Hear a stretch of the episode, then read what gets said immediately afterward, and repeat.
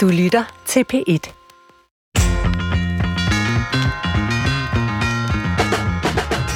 Hvis man kunne få kedsomhed på recept, vil jeg ligge i kø ved apoteket. Intet er bedre end at skulle ingenting. Ikke gå i gang med noget, bare være et eller andet sted uden formål. Desværre er det ret svært ikke at gøre noget. Men i dag lover jeg dig, at hvis du lytter med, så lærer du at elske kedsomhed. Bliv kedelig og bliv lykkelig. Velkommen til Brinkmanns Brix. Ja, altså sådan en dag uden formål er lige noget for mig. En dag med timevis af kedsomhed, muligheden for at falde i staver. Det er ret sjældent, jeg har sådan nogle dage. Men når de er der, så tænker jeg på dem som noget virkelig dejligt. Jeg holder meget af det. Er du med på den kedsomhed, den positive kedsomhed til retlægger Christoffer Heidehøjer? Øh, nej. Jeg, jeg hiver hurtigt telefonen frem, øh, tager hovedtelefoner på, øh, skriver til nogen, skal vi ses, skal vi lave noget? Ja. Øh, jeg tror egentlig, at kedsomhed er det modsatte for mig af noget øh, hyggeligt. Mm-hmm. Øhm, og hvis jeg så skal være nostalgisk og have det som noget godt i baghovedet, som du har, kan så er det så måske sådan noget, en lang køretur, hvor man sådan lader tankerne flyde lidt rundt, og lige pludselig tænker man måske på noget, man ikke har gjort længe, eller får en ny tanke. Mm-hmm. Det kan jo også ske. Øhm, men prøv lige at fortælle om det der med, at du synes, det ligefrem kan være noget nydelsesfuldt. Jamen, øh, det er jo ikke al kedsomhed, der er nydelsesfuld. Kedsomheden kan også være, være, være pinefuld. Men det der med at ja, bare sidde og glå ud i haven, se på nogle træer, der blæser noget vind i, det, det lyder selvfølgelig meget banalt, men det er simpelthen så dejligt. Eller bare ja, kigge ud på nogle bølger. Det er jo sådan helt klassisk. Det sidder nok i vores sådan, biopsykiske apparat. Øh, det ved evolutionspsykologerne mere om end jeg. Men den her lyst til og glæde ved og pff, ikke skulle noget, egentlig bare lade tiden gå, lade tankerne vandre, se hvad der sker. Det lyder som det sunde, gode menneske, det der. Altså alle, nu er du psykolog, alle os, der så ikke kan sidde stille og ikke øh, orker øh, fem minutters øh, kedsomhed, er, vi så, er der så et eller andet på spil ind i os, der ikke fungerer, der ikke er, som det skal være? Angsten sniger sig frem. Tanken på døden er det værste, der findes, så derfor finder vi på alt muligt. Er vi usunde, urolige det, mennesker? Det gør vel ikke noget, man kommer til at tænke på døden ved at kigge på, Hvis man så skynder sig videre. i træerne. Øhm, nej, jeg tror ikke, der er noget galt. Altså, altså nødvendigvis, men der er der mange, der vil mene, at vi jo måske er blevet dårligere til bare at sidde og glo og lade tiden gå, fordi vi er blevet så vant til at distrahere os selv hele tiden bryder os faktisk ikke særlig meget om øh, at være i selskab med vores egne tanker. For nogle år siden var der en artikel i Science, som er et af de her meget prestigefyldte videnskabelige tidsskrifter, hvor nogle forskere lod folk være i et laboratorium alene med deres egne tanker. Og det kunne mennesker simpelthen ikke lide. Øh, Alle slags mennesker kunne ikke lide det? Ja, altså dem, der dårligt skulle lide det, var mændene. Og det fandt forskerne ud af ved at sætte et lille strømførende apparat ind i laboratoriet.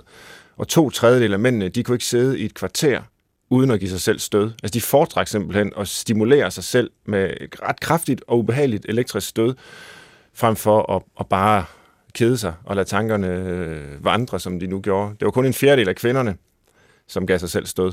Øh, men der er helt klart på, på kvindernes hold. Altså, jeg, jeg vil ikke give mig selv stød. Hvorfor skulle jeg dog det? Jeg vil være glad for at få et kvarter til bare at skulle ingenting. Men er det så trods alt noget, man så kan vende om, og så sige sådan, så skal vi gøre det. Vi skal sådan, øh, ja, som en, øh, en coach, øh, sætte os ned, bruge kvarter hver dag på at lade være med at give os selv stød. Altså, hvad er sådan... Øh... Jeg er ikke så meget for ligesom at skulle lægge tingene i, i, i rammer og formler og manualer. Og Men hvis det er sundt og måde, godt, jamen, og det er der, vi kan tænke nye tanker og... Altså, jeg ved ikke, om det er sundt. Det, det må jeg jo sige. Jeg, jeg har ikke sådan evidens for, at jeg lever længere, fordi jeg godt kan lide at sidde og kigge på nogle øh, træer eller sådan et eller andet. Jeg vil også sige, at konteksten er jo meget afgørende. Hvis jeg nu sad mm. isolationsfængslet, så ville jeg jo kede mig givetvis utrolig meget, og det vil ikke være en sund kedsomhed. Det har jeg meget svært ved at forestille mig. Selvom jeg fra mit lille vindue kunne kigge på nogle træer, der så lige så fine ud, øh, som dem jeg i mit rigtige liv kan kigge på, så tror jeg ikke, det vil have samme øh, effekt. Det vil ikke være nydelsesfuldt. Nu gætter jeg. Jeg har aldrig siddet i isolationsfængslet. Men, men jeg, jeg prøver bare at sige, det er jo ikke bare det at sidde og kede sig. Det er jo øh, glæden ved at have muligheden for ikke at skulle noget, fordi man jo ellers skal alt muligt i sit liv. Hvorimod, når man er isolationsfængslet, så skal man ikke noget. Øh, og, og så forestiller jeg mig, at det må være ja, nærmest stressende øh, og, og, at, at kede sig så meget, som når man er i fængsel, ikke? Det er den dårlige joke, men jeg synes, vi skal prøve at lave en Brinkmanns Brix, hvor du er i isolationsfængsel. Sid en time. Nej, introducer gæsterne, Svend. Vi skal i gang.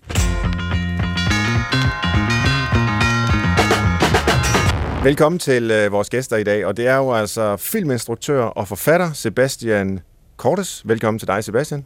Tak. Og tak, for du er med. Og ved siden af, der sidder lektor ved Danmarks Institut for Pædagogik og Uddannelse på Aarhus Universitet, Kirsten Hylgaard. Velkommen til dig også, Kirsten. Tak skal du have. Jeg har glædet mig rigtig meget til at tale med jer om øh, det her lidt spøjse emne, kedsomhed. Jeg har ingen idé om, hvorvidt det vil blive kedeligt at tale om. Jeg tror ikke, at det vil det, når det er med jer. Men øh, under alle omstændigheder ser jeg frem til at høre jeres tanker om øh, kedsomhed og jeres perspektiver på det. Og Kirsten Hylgaard, du er jo ikke som sådan forsker i kedsomhed. Jeg ved ikke, om der findes kedsomhedsforskere i hele verden, men jeg ved alligevel, at du er blevet optaget af kedsomhed. Hvordan blev du det? Det var, det var, da jeg var i gang med noget andet. Øh, det, var, øh, det var ret tilfældigt. Sådan er det jo tit, at man kommer til at arbejde med noget på en lidt tilfældig måde. Altså det med, at vi bilder os ind, at vi beslutter og planlægger, øh, hvad vi vil lave. Og det er tit det mest interessante, det kommer til en ved en tilfældighed. Ja. Og det drejer, det, det drejer sig, at jeg blev af min kollega Katrine Søjden inviteret i, helt tilbage i 2014 til at holde et oplæg på en konference om øh, seksualitet og perversion i Lars von Triers film. Det lyder ikke kedeligt. Nej, det, og det var heller ikke en, en, en nogen kedelig konference, eller det blev ikke nogen kedelig konference, men øh, øh, så øh, i 2013 havde Lars von Trier jo øh, øh, var den udgivet, Nymphomaniac udgivet, og den havde jeg ikke fået set. Så jeg tog mig sammen til at gå ind og få den set. Øh, og under, under filmforvisningen, der kede jeg mig grusomt. Øh, jeg sad, altså den var jo som bekendt fire og en halv time, ja. og, øh, og jeg sad og rutsede rundt i øh, sædet, øh, og altså så man kan sige nærmest, at jeg sådan demonstrerede sådan et øh, kropsligt kontrolleret flugtforsøg. Okay. Øh, og altså, jeg, jeg, der, der var pause, og jeg gik ikke efter pausen, øh, fordi jeg var ude i embedsmedfør. Øh. Ellers så havde du gjort det? Ja, det, jeg tror, det, jeg gjorde det, fordi jeg tror, halvdelen af, af de andre biografgængere, den dag jeg var inde i biografen, de, de forsvandt. Nå. Og det havde jeg nok også gjort. Nå, men det, det, det var så den ene øh, dimension af det. Så dagen efter, så sætter jeg mig jo til at, at holde det her oplæg, som jeg jo havde lovet, jeg skulle gøre. Så jeg åbner min laptop og, og går i gang. Og så, øh, altså ret modvilligt, øh, og så vælter øh, det ene, altså øh, erindringen om den ene scene fra filmen efter den anden ind over mig. Øh, altså det var nærmest som om, jeg havde sådan en fornemmelse af, at jeg havde sådan en fotografisk hukommelse i forhold til alle filmens scener. Og vel at mærke, altså scener, der var meget pinagtige, ubehagelige. Og, og det undrede mig, altså den der kontrast undrede mig. Hvordan kunne det være, at jeg kunne sidde dagen før og kedet mig gudsjammerligt, altså med sådan et distance, øh, distanceret øh, forhold til det, der foregik, og så dagen efter blive overvældet af, af, af de pinagtige scener. Det, det undrede mig simpelthen, den der modsætningsfyldte erfaring, som gjorde, at jeg, mm. at jeg jamen, at det undrede mig, hvad havde den der kedsomhed med at gøre. Og så vidste jeg, at, øh, at øh, Heidegger, min mester, øh, havde, havde skrevet, øh, ja, havde skrevet, havde udgivet forelæsninger om kedsomhed. Og øh, dem havde jeg ikke læst, men øh, jeg ved jo af erfaring, at hvis han Heidegger skrev om noget, så er det en god idé at læse det. Så det gjorde jeg. Og han er nok uden, uden konkurrence den, der har skrevet, at der er selvfølgelig andre, der har skrevet om, øh, om kedsomhed, men han er nok uden konkurrence den, der har skrevet både sådan kvantitativt og kvalitativt øh, mest om, øh, om kedsomhed. Så, øh, og den, og det, altså, de forelæsninger har hjulpet mig så også til at øh, få en, øh, ja, altså en eller anden form for fortolkning af, hvad det var, der var på spil hos mig, øh, da jeg så den film. Og så hvad det, var det? det det, det, det bliver jeg da helt nysgerrig på. Altså, og vi skal måske sige, jeg har ikke set uh, Nymphomaniac, men okay. jeg tror, jeg ved nogenlunde, i hvert fald ud fra sådan en klip og plakaten og så videre, hvad den handler om, og titlen jo. Uh, ja. Det er en, uh, en scene med, eller en film med, med en kvinde, som uh, har sex i fire og en halv time. Ej, det, det passer ikke. Det er bedre, du forklarer det, fordi du har set den. Ja, men det, altså, ja, ja, men den, den, den, den handler sådan set om forhold. Jamen, det er sådan set rigtigt. Det handler om, øh, okay, om, om Joe, øh, ja. kvinden Joe, som, som fortæller sin, til Synland fortæller sin øh, seksuelle livshistorie ja. til en øh, jomfruelig, øh, dannet øh, humanist øh, ved navn Seligman øh, som har reddet hende, efter hun er blevet øh, tæsket løs, og hun, han har fundet hende i en gyde, og så øh, redder han hende og lægger hende i seng, og, og mens hun så kommer til hægterne, så fortæller hun sin livshistorie til ham. Okay. Og han er altså jomfru, øh, og som er med en øh, sprænglært øh, dannet øh, humanist.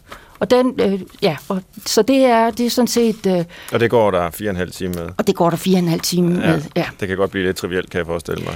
Mm, ja, ja, men Eller altså... det er måske det, ikke det rigtige ord. Ja, men jamen, det interessante, det er, det interessante er, at man kan jo undre sig over, hvorfor den er kedelig, fordi den handler jo om sex, ja. og den viser jo sexscener, og den ene sexscene efter den anden.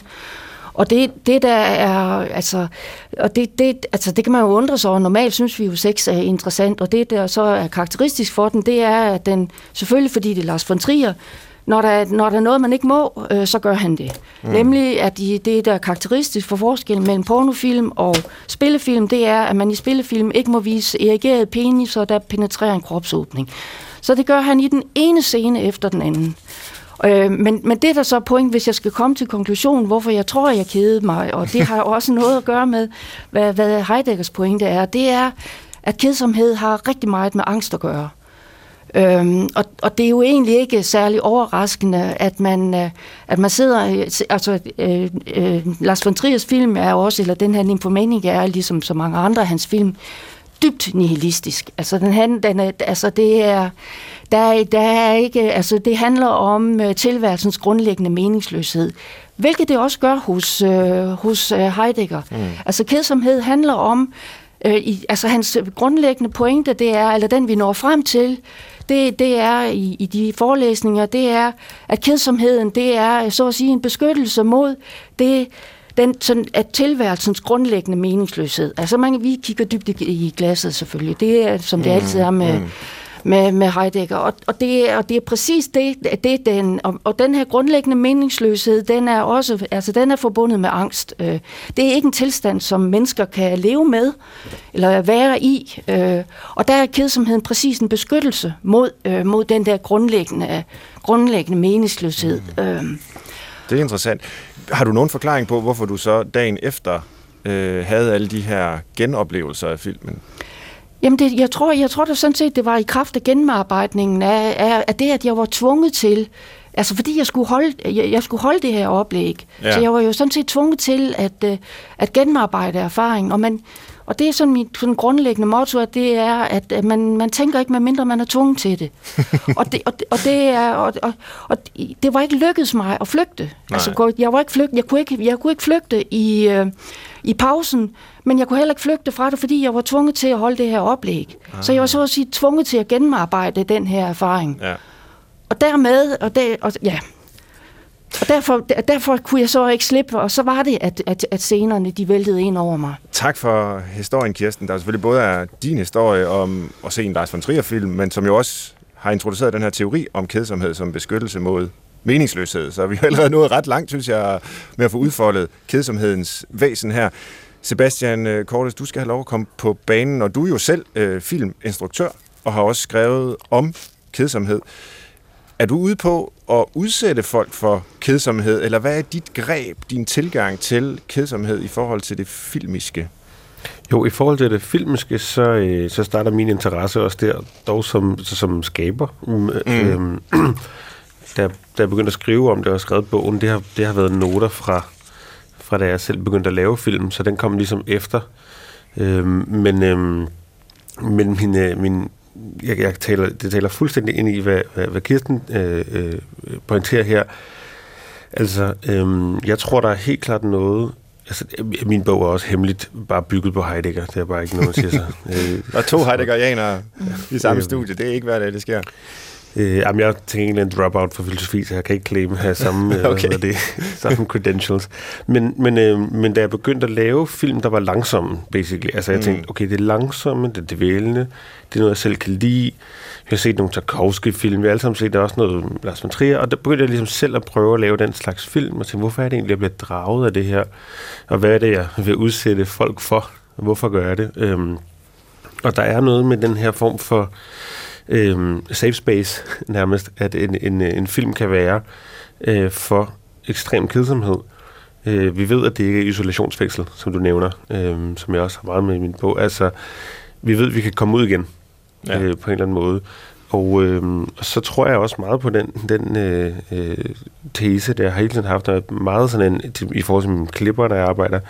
Vi, vi er ikke som mennesker, tror jeg, naturligt øhm, på en eller anden måde glade for at reflektere, glade for at tænke. Vi skal tvinges. Altså det er simpelthen, det, det, det er faktisk meget mere øhm, nemt og lykkeligt at lade være. Øh, så derfor er der en eller anden form for øh, igangsættelse og en tvang, der sker, når man udsætter sig selv for, for kunst blandt andet. Øh, det kan være det er måske den nemmeste måde at se på kedsomhed, det er, eller den nemmeste måde at opleve kedsomhed, det er i kunsten. Men det så min, som om, min idé er ja. ligesom at, at, at, at, at, på en eller anden måde at, at sætte det i værk øh, og, og lave den der form. For, altså jeg har haft en oplevelse med nogen, der kom op efter en, øh, en premiere på et tidspunkt. Øh, øh, et ægtepar, øh, et ældre ægtepar, som måske ikke lige havde læst, hvad den handlede om. Øh, det, det, det gør man jo nogle gange ikke, og så tænkte jeg, det var da fedt, den lyder da spændende. Øhm, og, øh, og så var de meget ærlige, så ret dejligt, de kom op og sagde, at øh, vi, øh, vi var ved at gå efter kvarter. Øh, men, øh, men så tænkte vi, at vi har jo betalt billetten. og det er lidt ligesom at være hjemmebedes. Så jeg, altså, det er 80 kroner tabt, ikke? Det er sgu lidt irriterende. Øhm, og så blev de, og så sagde de bare, øh, øh, vi har aldrig haft sådan en filmoplevelse før. Øh, vi, vi ligesom ikke prøvet at have den fornemmelse for kedsomhed, og som man måske kender, hvis man keder sig, så har man den der med, at man først starter med at være øh, kropsligt irriteret. Øh, eller først bliver man måske bare sådan lidt, nå, det var da lidt kedeligt, det var, hvorfor ser jeg det? Så bliver man kropsligt irriteret, og så stopper man med at se det, medmindre man er i en situation, hvor man ikke kan. Og så på en eller anden måde føler jeg i hvert fald tit, så bliver man ligesom overvældet af den her kedsomhed, og så giver man slip. Og det er som om den der, den der form for øhm, reaktion, der sker, der man giver, man giver op på en eller anden måde, og så tror jeg, det er der, der kan ske nogle, nogle ting. Mm. Og det kan godt være, der går et døgn, som Kirsten forklarede, eller lang tid efter, øhm, eller det sker midt i. Men man skal på en eller anden måde ind i den der med at give slip, før man kan komme hen i noget, et stadie, hvor man kan forestille sig alle mulige andre verdener og opleve alle mulige andre former for stadier. Men det lyder som om, øh, Sebastian, nu må du rette mig, hvis jeg udlægger det forkert, men at du ikke sætter dig ned, og så tænker du, hvordan kan jeg lave en virkelig kedelig film? Hvordan kan jeg bruge kedsomhed og få folk til at kede sig? Det er mere sådan, som jeg hører det, at du siger, hvordan kan jeg få folk til at tænke? Mm. Og kedsomhed er så et middel til at få folk til at tænke, eller hvad? Ja, og føle. Ja, og føle. Del, ja, ja, altså, ja. Øhm, helt klart. Altså, øh, hvis nu, at vi levede i en helt vildt langsom verden, mm. øh, hvor, hvor der ikke var nogen, nogen acceleration eller noget, så tror jeg, at jeg synes, det var lidt uinteressant at gøre det. Altså, jeg ser det ikke som en modreaktion på den hurtige verden, jeg ser det mere som en intervention. Altså, midt i, midt i det hurtige kan man ligesom intervenere og sige, hvad hvis du oplever noget exceptionelt kedeligt øhm, i den her ramme, i det her sted, øh, så tror jeg på, at man kan, man kan ja, helt klart øh, fremprovokere andre tanker op, og ikke fordi man skal jo aldrig nogensinde øh, lægge sin æg i neologiens øh, øh, kurv, men, men der er alligevel en, en, en, en stor del forskning inden for, inden for neurologien, der også viser, at de her, den måde, vores hjerne ligesom arbejder på, når der sker meget let, altså man keder sig, minder måske mere om dagdrømmene, og det er nogle mm. andre former for, for altså, bevægelser, der sker ja. i en nu skal det jo ikke handle om øh, ja, nutidens øh, accelerationssamfund og alle de devices, der hele tiden distraherer os, og ting, vi skal like og klikke og tjekke, og feeds, vi skal scrolle ned igennem. Altså alt det, der ligesom modvirker, at vi kommer i en eller anden form for kedsomhedstilstand. Men, men tror jeg alligevel, hvis vi skal forfølge det der lidt sociologiske spor, at muligheden for at kede sig i dag er, er, er forringet, og er det i givet fald et tab? Øh, Kirsten, hvad siger du til det ved jeg faktisk ikke. Øh, Nej. Altså, man kan selvfølgelig sige, at ja, det er let at få tage sin iPhone frem, øh, og, når man sidder nede i receptionen og venter på at blive hentet herop. øh, så man ikke skal sidde og kigge ud i, i luften. Men jeg tror, jeg, jeg tror ikke, det, det her, jeg tror, det her det er noget grundlæggende, som mm. øh, det er universelt øh, for det at være menneske. Ja. Altså det, ja. Hvad siger du, Sebastian? Har du sådan en øh, sociologisk tilgang til det? Mm, ja, altså jeg, jeg tror, jeg er enig i, at det er en grundlæggende øh, ting. Øh, jeg tror, der er... Øh, jeg tror, der er sket én ting i hvert fald, der måske kan have gjort det en lille smule værre. Det er ikke så meget øh, øh telefonen, eller det, det er mere det, at øh, vi bliver i hvert fald punket til at deltage. Altså Mark Fisher, som, som er filosof, har skrevet meget om den her med den, den gamle form for øh, internet, og den gamle form for sådan opmærksomhedskrævning, var i hvert fald meget... Øh, øh, du skal logge ind, du skal, øh, du skal altså, øh, der er reklamer og øh, skilte og alt muligt. Og nu er der en form for krav, der hedder, du skal ikke bare logge ind og kigge, du skal, hver gang jeg køber noget mad, så skal jeg jo øh, rate dem top 10, øh, hvor, hvor god var maden, alle mulige ting, så jeg bliver med en måde punket til at deltage. Og den deltagelse tror jeg, det i hvert fald kan, kan være en eller anden form for... Øh, øh, det kan da skabe en, en, en frustration, og en, øh, det kan gøre, at man ikke måske kan kede sig overhovedet, men jeg, jeg tror jeg, jeg tror ikke, den er så græld. Altså, jeg, jeg tror ikke på, at skærmene har øh, den store øh, skræmmende effekt, som, øh, som mange øh, lige nu i hvert fald. Nej, nej. I øh, har begge to været inde på det her med, hvad kedsomheden kan føre til. Øh, at den på den ene side måske er sådan et værn mod meningsløsheden, men på den anden side, hvis jeg forstår det ret, så er det også noget, hvis man bliver i det, og, og tør blive i det, kan skabe nye, øh, ja måske ligefrem erkendelser, øh, nye følelser, nye tanker. Men fører kedsomheden nødvendigvis til det? Altså, eller skal vi skelne mellem dårlige former for kedsomhed og produktive former for kedsomhed, alt efter hvad der kommer ud af det at kede sig. Øh, giver spørgsmålet mening? Altså, hvad, hvad, hvad nu hvis man bare sidder og keder sig, og man ikke får de der erfaringer, øh, som I begge to har berettet om i forbindelse med, med film? Ja. Kirsten, hvad siger du til det? Ja, ja, ja, jeg ved ikke, om der, om der findes god eller dårlig Nej. Øh, kedsomhed. Det, jeg, jeg tror faktisk, jeg tror, jeg tror egentlig, det er ret vigtigt, at man ikke taler om kedsomhed som enten godt eller dårligt. Altså, det, jeg, jeg, jeg, øh, altså noget, af det, noget af det, der er befriende ved Heidegger, det er, at han, han aldrig snakker om, om, noget er godt eller dårligt. Altså, det er en der sådan normativitet af ham, øh, er ham helt fremmed. Han, han vil bare beskrive, hvad, hvad, hvad der sker, når man keder sig øh, og, og, og, og diskutere spørgsmålet om, hvad er der, er der noget, der forårsager, at det, man bliver kedet? Er det, er det sådan, at der findes ting eller personer, som i sig selv er kedelige? Er det, er det, er det den anden, der keder os, eller det andet, der keder os? Eller, eller hvad, hvad, hvad, hvad er det? Det er egentlig mere det, han er optaget af. Og, men altså, jeg vil sige, med hensyn til det der med, altså, altså, altså når han, når han øh, altså, kedsomhed, den viser den, den der, altså når vi kommer helt ned til grunden, som, som Heidegger altid gerne vil, og, og den viser tilværelsens meningsløshed, og den sådan grundlæggende nihilisme, der er der, der er på spil, så, så, er det jo, så er det jo ofte sådan, at man taler om en nihilisme som, som et problem. Øh, som, som, og det, det er sådan standard i, i filosofien, at, at, at nihilisme det er, det er et problem, og det er sågar noget, der skal bekæmpes. Men, men øh, for mig, og det tror jeg er en misforståelse, men øh, for, i, i, i det mindste for også for mig, der, denne, denne grundlæggende men, øh, meningsløshed, det kan også være, altså der, der, kan, der er en frihedsdimension i det. Fordi man bliver, man bliver, man bliver man slipper, altså også i kedsomheden, så slipper, så, så bliver ens bundethed til tingene, det, det slippes. Altså det, det der, der sådan til syneladende er, er vigtigt og betydningsfuldt, det, er, det, det, det mister sit greb om en. Og det giver, og det, og det er det, det betydningsfulde og det vigtige. Det, når det mister sit greb om en, så giver det en mulighed for at gøre og tænke noget andet. Mm. Da jeg forberedte mig til den her udsendelse... Må så... jeg bare lige på til det? Ja. Jeg, jeg, jeg tror, at øh, jeg netop at kunne kalde kedsomheden for en eller anden form for tærskelfænomen. Altså noget før vi vurderer, om det er godt eller dårligt. Mm. Altså, øh, det kan godt være, at der kan komme gode eller dårlige ting ud af det. Det mm. tror jeg, der kan begge dele. Mange kunstnere arbejder meget med kedsomhed, men isolationsfængsel er også kedsomhed. Altså, det, det, det, det kan ligesom, det kan være begge veje, men kedsomheden er netop sådan en eller anden form for øh, øh, altså kortslutning næsten. Ikke? Altså, at, at vi, vi starter forfra, og der er ikke nogen mening. Altså, vi kender det jo også bare, hvis man skal sige, at jeg keder mig. Det er fordi, jeg ikke får stimuli udefra. Altså mm. den simple måde at se det på.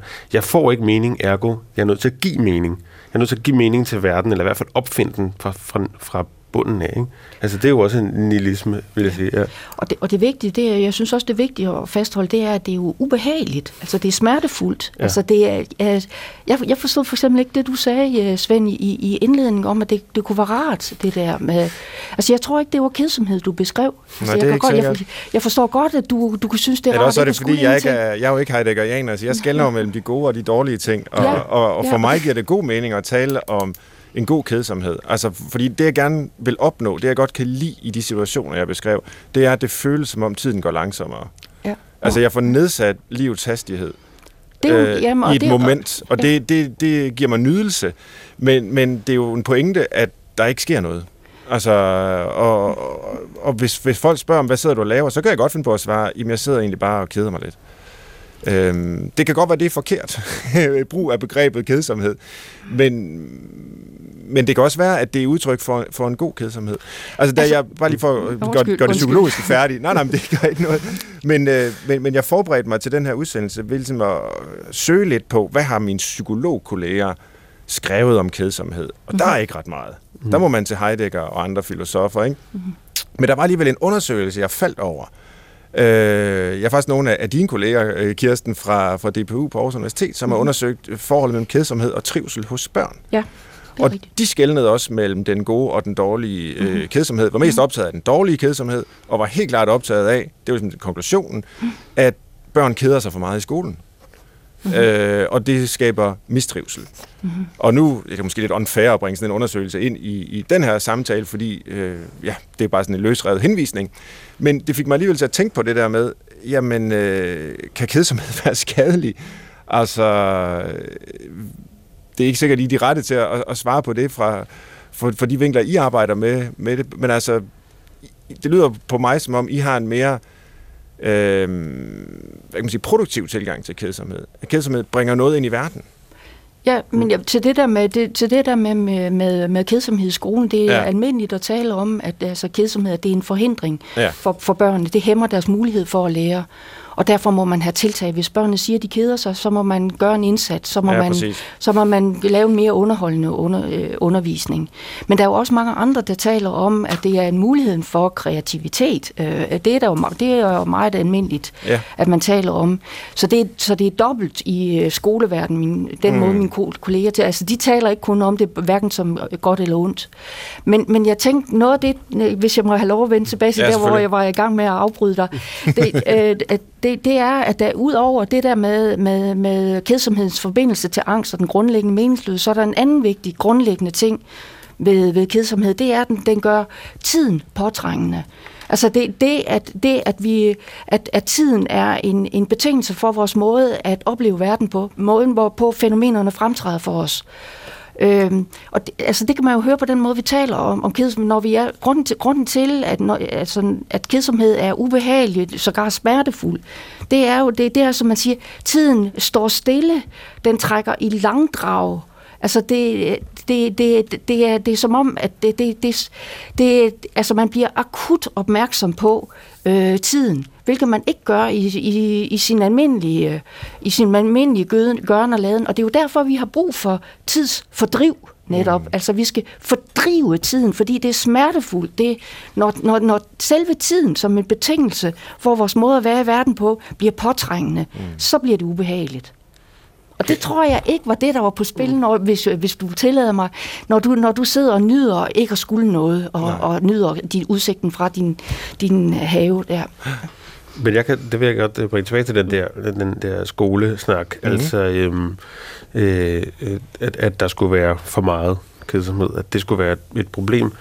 Øhm, altså, jeg, jeg kan huske, at der var måske det de, de øh, uhyggeligste ord, jeg, jeg har stødt på. Øh, det var i forbindelse med folkeskolereformen, at, øh, at måske skulle man fratage nogle af frikvartererne for børn, fordi at der var, øh, der var simpelthen måske for meget kedsomhed. Det var ikke, i hvert fald, i hvert fald ikke udnyttet det nok, og man kunne jo lave noget mellemrumspotentialisering, mm. som de kaldte det. Altså simpelthen de her, de her fri øjeblikke, hvor man ikke ved, hvad man skal, skal udryddes, og jeg tror, det måske bunder det i en eller anden angst for spildtid. Altså vi er simpelthen bange for, at spildtid det skal udnyttes. At det, det, er, det er en ret øhm, kan man sige, økonomisk øh, øh, øh kan man sige, tankegang. At vi er nødt til simpelthen at udnytte hver enkelt. Og det tror jeg egentlig ikke bunder så meget i, at vi er øh, protestanter, eller øh, hvad, vi kommer af sådan en anden kapitalistisk øh, tankegang i det, det tror jeg også bunder i øh, selve den følelse af at blive konfronteret med øh, tid, og blive konfronteret med, at vi simpelthen er dødelige mennesker. Vi er på vej mod døden hele tiden. Og det kan være rigtig hårdt, mm. øh, tror jeg, at, at, at være i. Sebastian, når, hvis du sidder ved et middagsselskab og fortæller, at du arbejder med, med kedsomhed, Øh, hvad siger folk? Det ved jeg ikke, om, du, om det er den måde, du præsenterer dig på, men, men hvis du skal fortælle om dit forfatterskab og, og, og film osv., så, videre, så går jeg ud fra, at du kommer ind på det, fordi det er centralt. Hvad, hvordan reagerer folk på det? Altså, øh, hvad hedder det? Øh, hvis, de, hvis de spørger, øh, når du har skrevet en bog om kedsomhed, er den så kedelig? Ja, okay. Det er det første. Og det, ja. det vil sige, det er måske oplevet 900 gange. Så sådan, Øh, er det, det, det, det er standard. Eller, ja. men, øh, men oftest, og det er jo måske noget af det, der er rigtig interessant, ofte når jeg ikke at se, sige øh, meget mere end det. Øh, fordi det er et øh, så universelt emne, at jeg kan sige, kedsomhed, og så er der nogen, der siger, ej gud, her den anden dag, der sidder jeg jo, øh, mm. og så siger der nogen, men prøv at høre, så kom jeg hjem, og så kedede jeg mig alligevel, var det ikke mærkeligt? Nej, det var ikke, det var eksistentiel kedsomhed. Øh, det har jeg ikke også nummer to stadier måske i det her. Ja. Altså, øh, det er simpelthen en, en, øh, en så universel følelse, tror jeg. Øh, jeg har kun én gang i mit liv nogensinde oplevet en sag til mig, øh, altså næsten virkelig aggressivt, jeg har aldrig kedet mig i mit liv. Okay. Og det virker som, at det var en person, der virkelig prøvede at løbe væk fra noget, ikke? altså noget helt grundlæggende. Øh, der måske skulle, skulle være måske noget terapi til det. Ja. Øh, som det min oplevelse er, det, det, det er det, som folk... Øh, og så er min oplevelse også, når, øh, når hvis jeg viser film, der har noget, noget, noget kedsommeligt, eller i hvert fald noget øh, udstrakt tid over sig, at øh, der, der er helt vildt mange, der rigtig gerne vil snakke efter de her øh, film og de her filmvisninger. Også når jeg går, jeg har været jury til sådan noget Slow Cinema mm. Festival og sådan noget.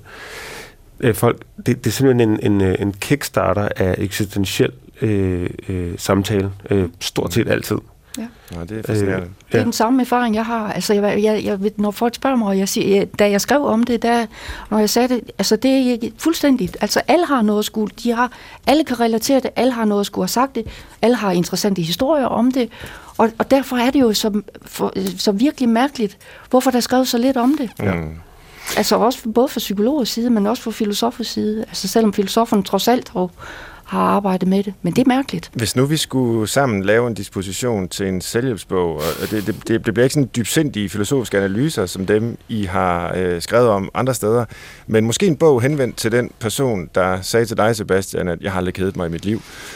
Og hvor du så måske reagerede ved at mene, at ah, den person må mangle et eller andet, må flygte fra et eller andet, måske trænge den person til at kende til kedsomheden i det mindste. Det er også en mulighed, at personen bare lyver, fordi vedkommende tror på, at intelligente mennesker keder sig aldrig, mm. øh, hvilket jo ikke passer, øh, håber jeg ikke. Men øh, kunne vi lave en form for bestseller, potentiel bestseller, øh, how to bore yourself, how to get bored and become happy, Tror jeg, der vil være et marked for det? Ja, det tror jeg helt sikkert. Altså, du, det, det, du tænker, det er noget med øh, altså, ked dig, udråbstegn og så en god ja. øh, undertitel. Sådan noget. Ja. Jamen, jeg, jeg, øh, har, jeg har forsøgt at skrive sådan nogle bøger engang imellem. Vi har nogle gange leget med konceptet også i vores program her. Ikke? Altså, ja. bruge den der selvhjælpsform til måske at formidle noget, man ikke normalt læser i selvhjælpsbøgerne.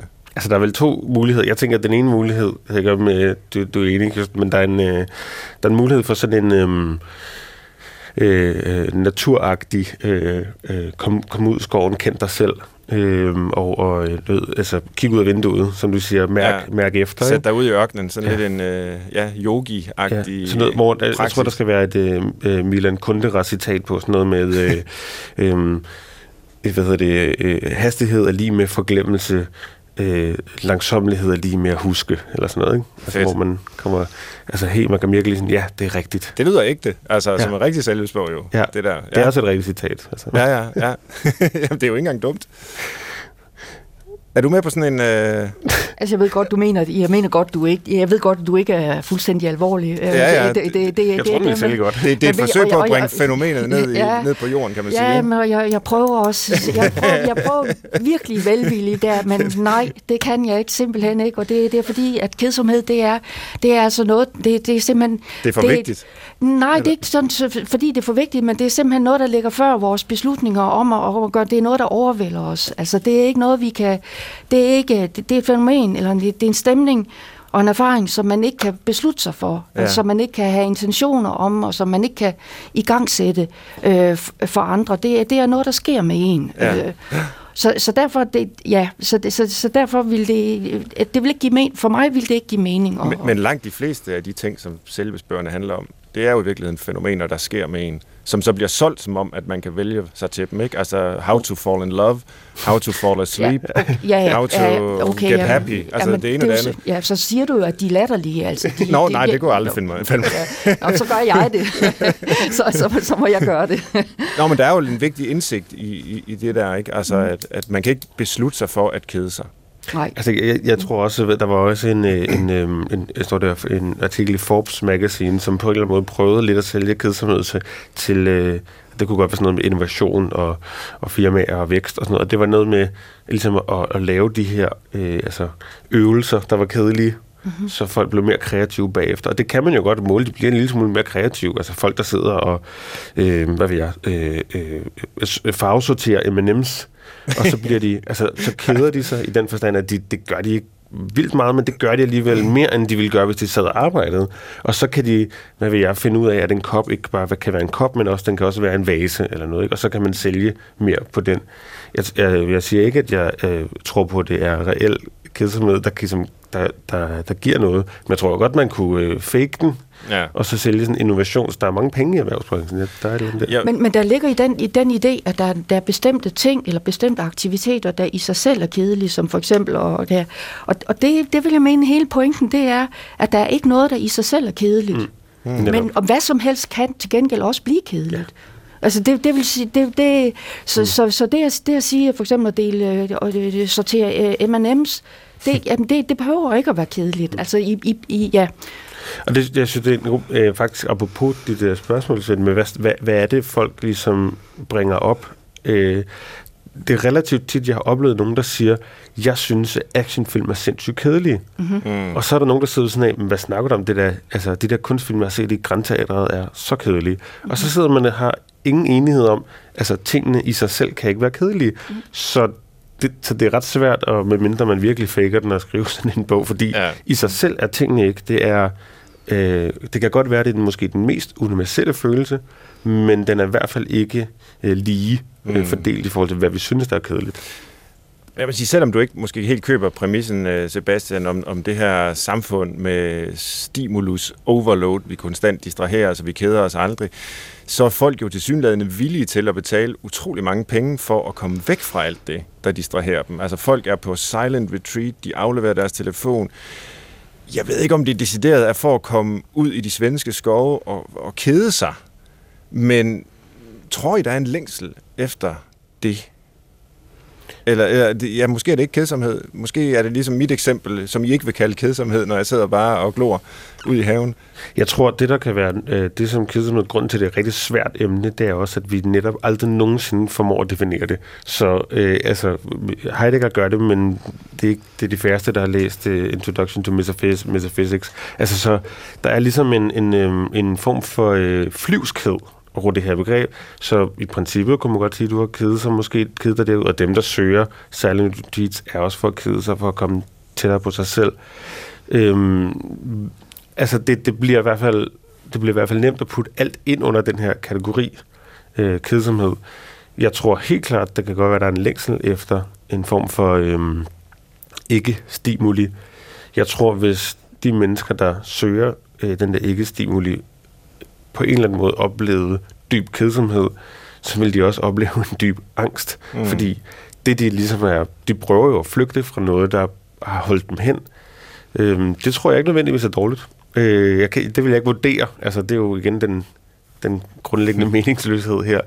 Det kan godt være, det er rigtig, rigtig godt, at de kommer ud i den dybe kedsomhed, som leder til en eller anden form, og som har en angst øh, i sig, og de så siger deres job op, eller går for deres øh, kæreste, eller hvad det er, de har øh, rammer af, af, af erkendelser øh, i løbet af det. Mm. Det kan også være, at de slår nogen ihjel.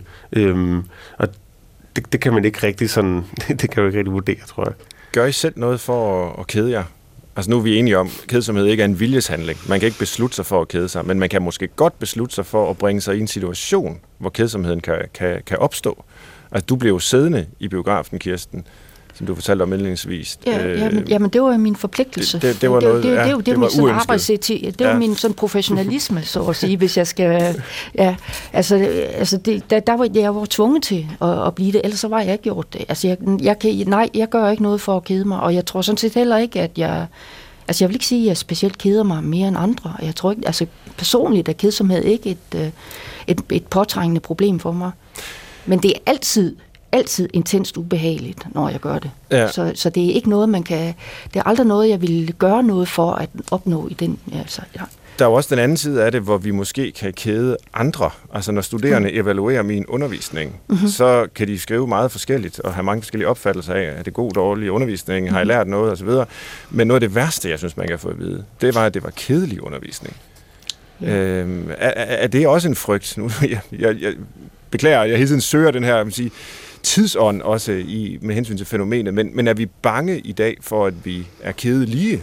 Jeg synes, Ja. der er metoder, altså der, der er folk, der, øh, der, der eksperimenterer med, også i undervisningsøje med, og i alle mulige andre. Øh, øh, Kenneth Goldsmith, der er sådan en, en, en, en, øh, en, en sjov øh, halvdigter, halvkunstner-type fra New York. Øh, han, øh, han har et, et fag på universitetet, som han kalder uncreative writing, altså fordi det altid er creative. Folk skal være, det er deres inderste, der skal ud, og de skal blive...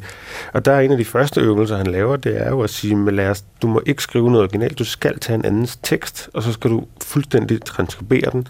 Og, og det er jo, det er jo en, en om ikke andet i hvert fald en træ proces, mm. øh, og, og, og afskrive 10 sider Jack Kerouac, eller en menu, eller hvad det er. Øhm, og, og der er i hvert fald en eller anden form for... øh, omvendthed.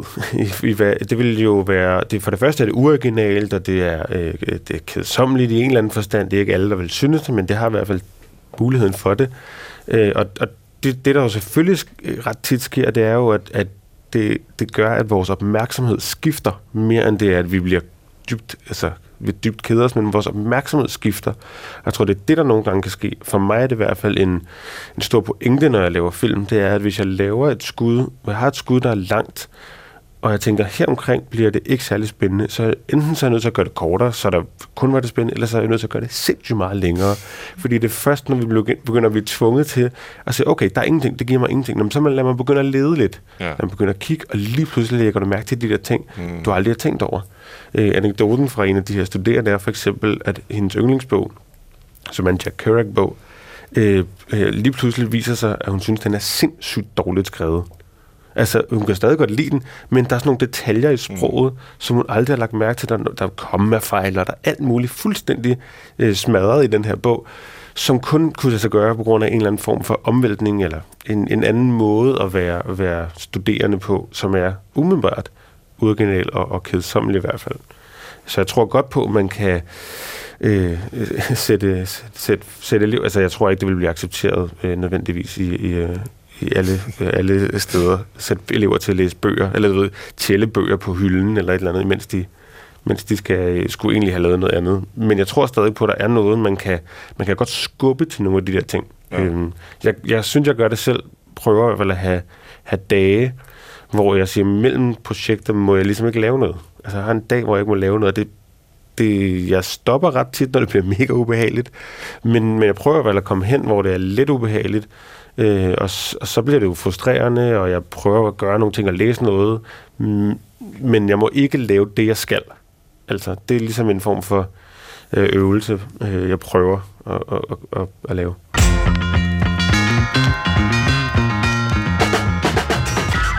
Du lytter til Brinkmanns Brix om kedsomhed, og det er med Sebastian Kortes, som er filminstruktør og forfatter, og Kirsten Hylgaard, der er lektor ved Danmarks Pædagogiske Institut for Pædagogik og Uddannelse på Aarhus Universitet.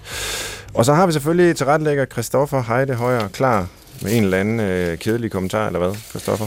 Der kommer en af de der tøhø. Øh, der er godt jeg kan ikke lade være. Nej, det ved jeg. Du vil kede, du vil kede Sebastian sådan middagsselskab helt vildt, kan jeg høre.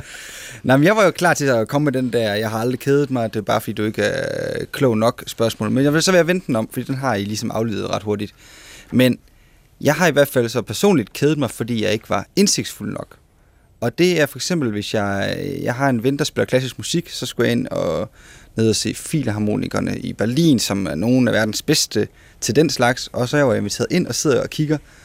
Og jeg ved ikke, hvor jeg skal orientere mig hen. Jeg ved ikke, hvad jeg skal egentlig lytte efter. Det er bare klassisk musik, der brager der ud af. Og jeg keder mig. Men jeg har jo ligesom lovet, at jeg vil... Ja, nu er det måske lidt i forpligtelsen, ligesom Kirsten der var, men at jeg vil da selvfølgelig godt se, hvad det er, der interesserer ham så voldsomt. Og øh, det er så først, at vi kommer ud bagefter og har en snak om, hvad var det, han har sådan en ven med, som også går op i det. Og de diskuterer flittigt det ene og det andet, og hørte du det, og den og den og den detalje. Og jeg har på ingen måde fået det samme ud af det. Og det er jo fordi, jeg ikke ved en disse om øh, klassisk musik i den forstand. Men jeg havde så til gengæld måske kigget lidt længe på en violinspillers skæg, eller opdaget den der mand, der står om bagved med et eller andet øh, klanginstrument, ikke bliver brugt nærmest overhovedet, og tænke, jeg begyndte at tænke for vedkommende løn. Øh, sådan nogle mærkelige ting. Øh, ja, så nu kommer jeg til spørgsmålet. Hænger kedsomhed sammen med indsigt? Altså, jeg, jeg, tror, jeg, vil, jeg vil citere øh, Per Højhold, der skrev et perfekt, et, eller et, et, et, et fantastisk essay om kedsomhed, øh, hvor han siger, at grunden til, at øh, kloge mennesker ikke keder sig overhovedet, det er, fordi hvis de begyndte at kede sig, så vil det gå op for dem, at de overhovedet ikke var kloge. Og derfor tør de ikke kede sig. Det vil jeg sige. Fremover. Det er rigtigt, Per Højholdt. Ja. Hvad siger du, Kirsten?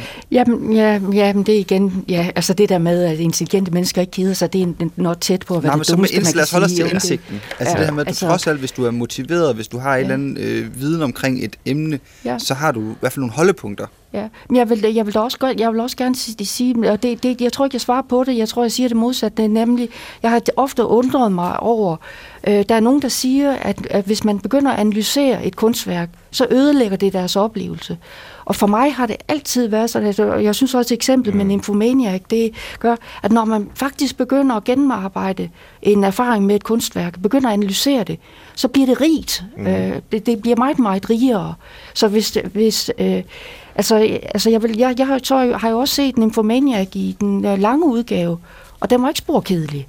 Og jeg skal også, hvis der er nogen, der, jeg håber, jeg vil også gerne lige understrege, jeg mener, at det er stor kunst, øh, som de flest, langt de fleste af, af Lars von Triers film er.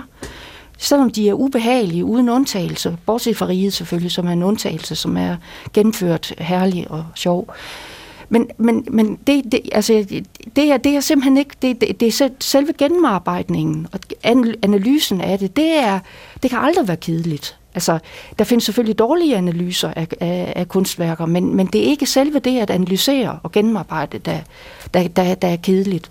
Og jeg, vil lige, så jeg har det en anekdote, som jeg synes, at det der med, om det skal være indsigten, øh, eller øh, altså, man skal være klog på et eller andet for at opleve det. Jeg, jeg, havde, øh, jeg var engang på museum med min mor.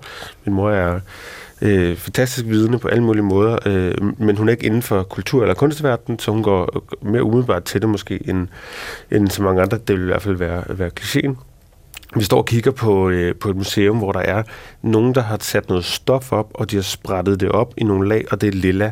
Og der, er, det er meget abstrakt, det hele. Ikke? Øh, og jeg står og kigger lidt, og så går hun hen og siger, hvorfor fanden står du og kigger på det der så lang tid? Altså, det ved jeg ikke. Jeg stod bare lige her. Så det er jo totalt uinteressant. Øh, altså, man står bare og kigger på det, så kommer der ingenting. Det er bare kedeligt. Og så stod hun jo i 5 sekunder mere, og så hun, se, det er jo bare lilla. Altså, det er jo bare den farve, som, øh, som øh, min mor, hun altid lavede sin, øh, den måde, hun, de har gjort det på, det er sådan her. Og så kunne hun forklare metoden, ja. altså som jeg ikke kunne. Og så står hun og forklarer metoden, og, og jeg har aldrig mødt min øh, mormor, så jeg var sådan, er det noget, I gjorde sammen? Ja, det er lilla, og, og så lige pludselig, så fik hun bare, altså, fik hun våde øjne, og stod og, og, og jeg siger at det var en dyb kedsomhed, hun kom ind i, men det var i hvert fald en dvælen, det var i hvert fald en tid. Og, og der er noget med, at jeg tror ikke på den der sådan, øh, øh, ja, viden, eller at det, at det skulle være det, det vigtigste i, i at opleve tingene. De bedste øh, oplevelser og de bedste samtaler, jeg har haft med folk, der har oplevet ekstremt kedelig kunst, eller i hvert fald i, i den forstand, langsomlig, potentielt set kedelig kunst, øh, er meget oftere med folk, der ikke har øh, en form for sådan øh, forudindtaget øh, øh, faglig viden øh, omkring, hvordan bør man gøre de her ting. Jeg har lige et spørgsmål mere. Det er fordi, jeg læste om sådan øh, nogle russiske militærmænd, der blev puttet ind i en øh, container, fordi at de, man skulle simulere, at de skulle til Mars. Øh, så de skulle sidde derinde i, jeg tror det var et år, og så øh, skulle man øh, finde ud af, hvad sker der med de her mennesker. Det er jo ligesom nogle sociologiske, antropologiske studier af, hvad kan mennesker ligesom holde til, fordi vi skal have sendt dem langt ud i rummet. Det er en eller anden idé, vi har. Øh, det, det så viser, det var ikke så meget arbejdet, der var et problem, eller gruppedynamik som sådan, men det var kedsomheden. Det var, at de simpelthen øh, havde svært ved at finde noget at give sig til. Øh, og øh, nogen udviklede depressionssymptomer, nogen udviklede skæve døgnrytmer simpelthen. Altså søvnen blev meget besværet. Og øh, der opstår også konflikter øh, selvfølgelig undervejs. Øhm, og det, Sebastian, du har også øh, skrevet om det her med isolationsfængsel, som vi var lidt inde på tidligere. Kan du beskrive den måske, nu kalder jeg den så, det lidt usunde kedsomhed, eller i hvert fald den kedsomhed, som kan føre til nogle øh, ret øh, negative menneskelige træk. En anekdote i forhold til det er, at det, det største, et af de største problemer for soldater er at være fredsbevarende styrker. Altså, det skulle man ellers ikke tro, fordi man tænker, at krig er jo hårdt, men det at være øh, trænet til øh, kamp, trænet til at være adrenalin øh, øh, klar hele tiden, øh, så oplever man så, at der ikke sker noget, og derfor vil man på en eller anden måde kompensere ved at blive aggressiv, eller ved at skyde, eller gøre forskellige ting. Altså, øh, jeg tror, der er noget med, at den her isolation, og øh, som, som militærpsykologer især har, har forsket meget i, i forhold til kedsomhed, at den giver en eller anden... Øh, øh, det, man er ikke forberedt på det, tror jeg. Altså, man, er, mm. man er ikke forberedt på at øh, skulle fylde verden med mening selv. Øh, og så kigger man indad, og det er, øh, så bliver man selvbiografisk, eller angstfyldt, eller hvad man kan blive. Øh, og så har man ikke så meget, altså man ikke så mange muligheder tilbage måske, når man er isoleret. Øh, det er derfor isolationsfængsel måske også er noget af det, det mest horrible, øh, vi har opfundet. Øh, det lyder som øh, det moderne liv. Man er ikke forberedt på, at man selv skal skabe mening, eller finde på meningen. Ja, vi er ikke forberedt generelt set på Nej, det. det. Altså, det bliver vi det bliver givet til os i, i løbet af, af skolen, og vi skal, det bliver, øh, vi skal mellemrumspotentialisere, så vi skal udnytte tiden, og vi må ikke have spildtid, og øh, mm. vi skal helst gå på arbejde, selvom det ikke er nydelsesfuldt. Øh, det er meningen bare, at vi skal holde en vis beskæftigelse, øh, og det, det tror jeg måske er en, en samfundstendens til en eller anden form for øh, øh, angst for øh, ikke at have nogen mening i livet. Ja, når vi er ved de her eksistenstænkere, så var det vel øh, Kirkegaard, nu må I korrekte mig, jeg ved i hvert fald, du kender Kirkegaard, øh, Kirsten, der skrev noget i retning af, at det latterligste i livet, det er mm. folk, der har travlt, mm. Mm. øh, som aldrig nogensinde standser op og har mm. mulighed for bare lige at lade tankerne vandre, øh, tænke sig om, øh, kede sig lidt.